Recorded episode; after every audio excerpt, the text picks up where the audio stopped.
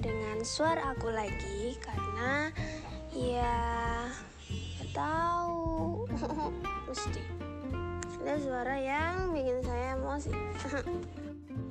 Jadi maaf ya tadi ada suara um, ibu-ibu yang lagi jajanian sayurnya.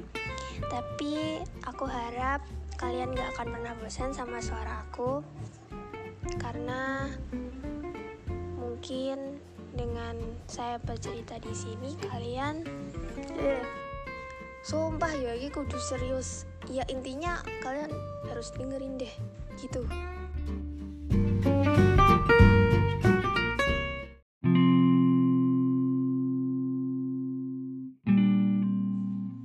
Pikiran saya penuh hal yang saya benci dalam dua tahun yang lalu.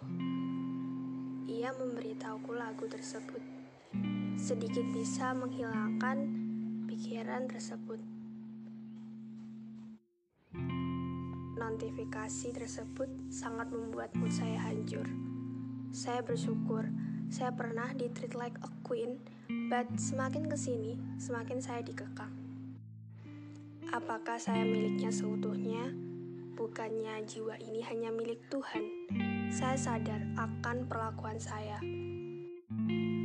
Saya tidak akan terlena. Saya muak semua tindakan dan perasaan ini.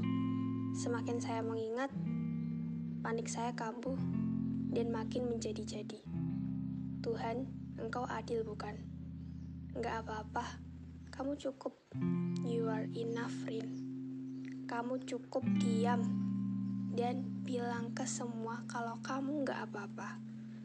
Biarkan karma itu datang dengan sendirinya biarkan alam semesta bekerja dengan sendirinya.